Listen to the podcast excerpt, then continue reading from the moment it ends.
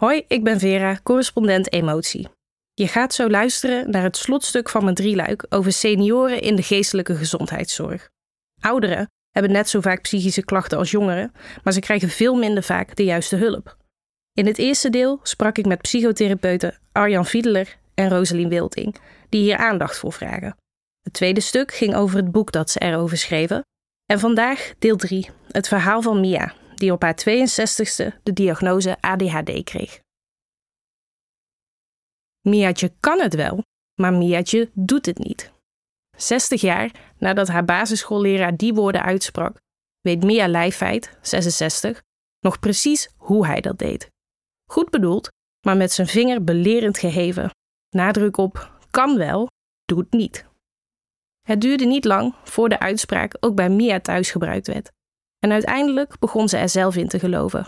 Dat ze achterbleef op haar klasgenoten omdat ze niet hard genoeg werkte, dat ze te weinig wilskracht bezat. En dat ze dom was, dat ook. Hoe kon het anders dat ze thuis met gemak de Nederlandse provincies en hoofdsteden uit haar hoofd leerde, maar dat ze, tegen de tijd dat ze op school was, de helft niet meer kon opnoemen? ADHD, zo weet ze nu. Mia's brein reageert snel en heftig op prikkels. Op wat ze ziet, hoort, ruikt, proeft, denkt en voelt. En op waar alle andere mensen om haar heen mee bezig zijn. Ze is gevat, creatief, associatief en raakt snel afgeleid. Onderscheid maken tussen hoofd- en bijzaken vindt ze lastig, doordat alle stimuli constant om haar aandacht vechten. Ergens langdurig op concentreren, bijna niet te doen. Mia is een voormalig cliënt van psychotherapeuten Rosalien Wilting en Arjan Fiedler. Die schreven een boek over het belang van de late diagnose, genaamd Met de Jaren. Ze behandelen al 30 jaar 60-plussers met psychische problemen die nooit eerder de juiste hulp hebben gekregen. Ouderen hebben net zo vaak psychische klachten als jongeren en behandeling is minstens zo effectief, maar dat is nog lang geen gemeengoed.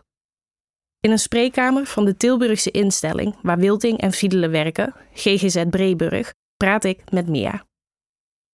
Hier kreeg zij, na 40 jaar dolen door de geestelijke gezondheidszorg, op haar 62ste de diagnose ADHD. Ze volgde daarna onder meer een groepsbehandeling voor ouderen met ADHD en kreeg daardoor eindelijk grip op de machinerie in haar hoofd en wat die doet met haar emoties, haar label, veranderde niet alleen hoe ze dingen zal aanpakken in de toekomst. Ze reflecteert nu ook milder op de jaren die achter haar liggen. Ze vertelt er graag meer over. Ze zegt: Omdat ik wil dat psychische problemen op late leeftijd meer aandacht krijgen, zodat ouderen zichzelf niet opgeven zodat hun omgeving dat niet doet. Wilting, die Mia's behandelaar was, zit ook bij het gesprek. Mia biecht op dat ze hun boek nog niet heeft gelezen. Ze zegt daarover: ik heb het druk. De harde schijf zit even vol. Als ik nu zou beginnen aan een hoofdstuk, kan ik het tien keer opnieuw lezen en daarna weet ik nog niet wat er staat. Ik moet een rustig moment afwachten. Dan lukt het prima. Wederom, dat weet ze nu. Als kind wist ze vooral. Ik doe mijn stinkende best om te leren, maar ik vergeet alles ook meteen weer. Daarom hing ze ochtends voor school kokhalzend boven het toilet, misselijk van tegenzin. Mia zegt: mijn moeder kreeg me bijna elke dag zover om toch te gaan. Ze zette de ramen open voor frisse lucht, moedigde me aan, liep een stukje met me mee op. Psychische stoornissen zijn vaak erfelijk, waarschijnlijk ook in Mia's geval. Ze was een nakomertje. Haar vader was rond de 50 toen ze kwam. Een man uit het jaar 1909. Voor zijn problemen, waar ze liever niet inhoudelijk op ingaat, was al helemaal geen aandacht. Mia zegt: We zeiden niks, want mensen die iets hadden, werden gek genoemd en weggestopt in een gesticht. Iedereen wist dat hij een uh, zenuwpatiënt was. Daar had je het gewoon zo min mogelijk over. Na de basisschool ging Mia naar de MAVO, een zogeheten Daltonschool, waarbij de nadruk ligt op keuzevrijheid voor de leerling. Ze had leuke vriendinnen, kon haar lespakket grotendeels zelf samenstellen en doorlopen op haar eigen tempo. Alles ging prima. Tot haar eindexamenjaar. Toen moest ze alle opgedane kennis vatten in verslagen en eindtoetsen. En met zoveel deadlines aan de horizon verloor ze het overzicht volledig. Mia ging zonder diploma van school, vier maanden voor haar examens. Ze begon te werken op de administratie van een verzekeringsmaatschappij, schadeformulieren van caravans en boten nakijken. Ze had er flexibele werktijden en geen targets. Ze zegt: Die vrijheid was mijn redding. Als ik in deze tijd jong was geweest, met hoe prestatiegericht maatschappij nu is, was ik al veel eerder vastgelopen. Het grote vastlopen kwam nu zo rond haar 55ste. Maar om te begrijpen hoe ze daar aanbelanden, moeten we volgens Mia een jaar of twintig daarvoor beginnen. Op haar 37ste kreeg ze namelijk voor het eerst een zware, langdurige depressie. Ze had al haar hele leven geworsteld met stemmingsklachten. Altijd al waren er periodes geweest waarin ze weinig licht zag en een paar dagen in bed bleef, haar veilige haven. Maar in de jaren voorafgaand aan haar eerste langdurige depressie, ze was intussen getrouwd en moeder van twee kleine kinderen, stapelde het trauma zich in een kort tijdsbestek op. Haar broer en haar beide ouders overleden. En ze verloor een kindje na 21 weken zwangerschap. Mia zegt: Ik lag wekenlang in bed. Het voelde alsof duizenden kleine handjes me daar vasthielden. Ik las geen boek, keek geen tv, had geen gezelschap. Ik sliep vooral, denk ik. Haar man, haar schoonzus en een aantal moeders van het schoolplein brachten per toerbeurt de kinderen naar zwemles, zorgden dat er gekookt werd, hielden het huis schoon. Daarna bleven de depressies komen. Mia probeerde verschillende medicijnen en therapieën, maar die vatten allemaal niet, of niet lang. Ze zegt daarover: Ik vergat wat ik in therapie leerde, nog voordat ik het kon toepassen. Bepaalde medicatie werkte niet, of zelfs averechts. Achteraf gezien niet zo gek, want puur mijn depressie werd behandeld, zonder rekening te houden met hoe mijn brein voor de rest werkt. Zelf wist ze het inmiddels wel. Dat ze niet dom was, maar chaotisch. Niet roekeloos, maar impulsief. Maar haar zelfbeeld was laag en ze vond het moeilijk zich uit te spreken. Ze wilde niet lastig doen. In een leven lang Mia zijn had ze nogal wat overlevingsstrategieën ontwikkeld.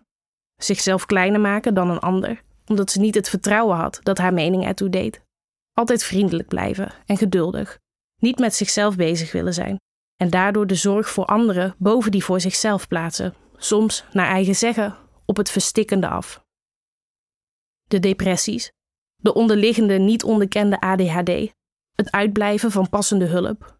Rond haar 55ste haalde het Mia allemaal in. Ze had haar depressieve periodes tot dan toe steeds geprobeerd te compenseren door er heel veel energie tegenaan te gooien als ze weer was opgekrabbeld. Na een depressie als een dolle stier het huis op orde maken, bijvoorbeeld. Of extra charmant en uitgelaten zijn tegenover vrienden die ze voor haar gevoel had verwaarloosd. Maar de jaren namen toe en de energie nam af. Doordat ze altijd zoveel had opgekropt, viel ze nu regelmatig en fel uit tegen haar man en kinderen. Maakte ze opmerkingen waar ze achteraf spijt van had. Ze was heel erg depressief en haar ADHD zorgde ervoor dat ze nul orde kon scheppen in het hoe nu verder. Mia zegt: Het was zwarter dan zwart. Ik kon niet meer helder denken. Toen gaf haar man aan te willen scheiden. Mia. Maar we waren getrouwd in gemeenschap van goederen. Het huis, het bedrijf waar mijn zoon inmiddels ook was ingestapt. Ik zag het allemaal uit elkaar klappen. Ik heb altijd depressieve periodes gekend, maar ik ben niet een depressieve ziel.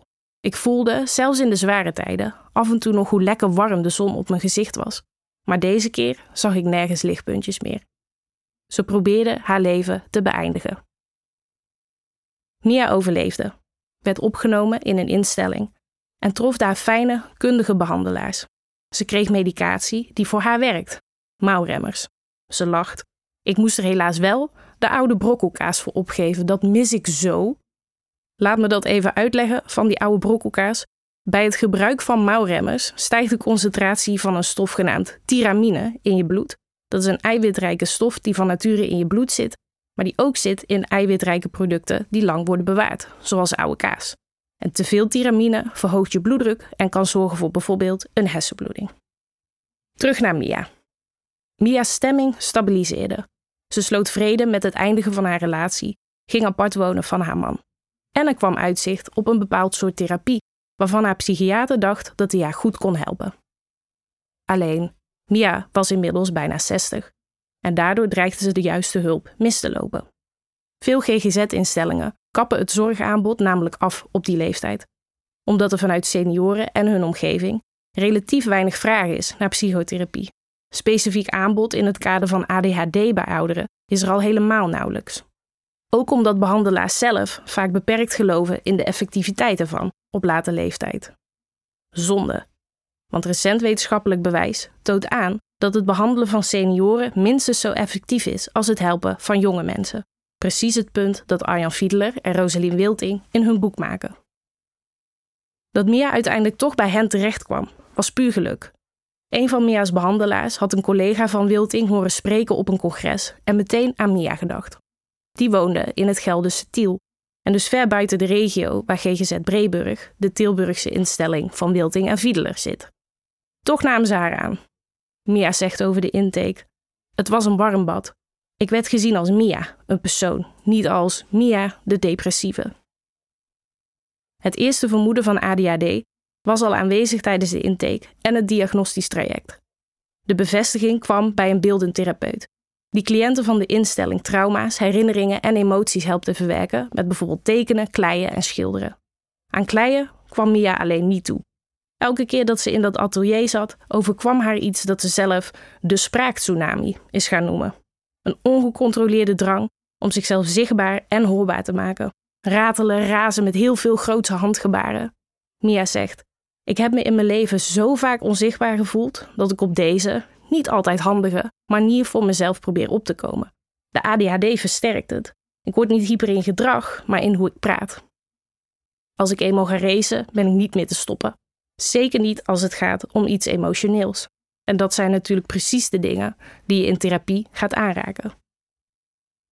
Toen na verder onderzoek de diagnose werd gesteld, volgde Mia groepstherapie voor ouderen met ADHD. Daar leerde ze praktische handvatten, zoals realistisch plannen. Ze leerde om niet overspoeld te worden door, maar te surfen op de spraaktsunami.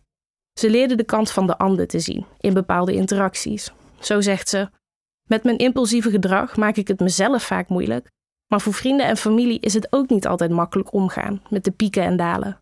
Dus ik leerde bijvoorbeeld herkennen: oké, ik wil dit verhaal of deze emotie nu graag kwijt, maar kan en wil die ander daar op dit moment wat mee. Ik kies mijn momenten tegenwoordig beter. Ze kreeg ACT-therapie, Acceptance and Commitment Therapy, een relatief nieuwe vorm van gedragstherapie, waarin ze leerde zich te verzoenen met haar klachten. Ook kwam ze steeds meer te weten over de stoornis zelf, zodat ze die met meer afstand kan bekijken. Wat ze nooit meer zal vergeten, is wat ze in groepstherapie de coaches noemde. Dat zijn de innerlijke stemmen die je kunnen afstraffen of juist opbouwen. Therapeut Wilting legt uit: Je bent een kind. Je hebt een voetbalwedstrijd en je schiet de bal naast het doel. Coach A komt op je afgestormd, hij torent boven je uit en hij blaft waar iedereen bij is. Kijk nou toch eens waar je schiet, hoe kan je zo stom zijn? Dan heb je coach B. Die loopt rustig op je af, gaat door zijn knieën en zegt: Jammer dat je miste, maar kan gebeuren. Die en die daar kunnen ook nog wat hulp gebruiken bij het richten. Dus laten we van de week samen extra trainen, zodat het de volgende keer beter gaat.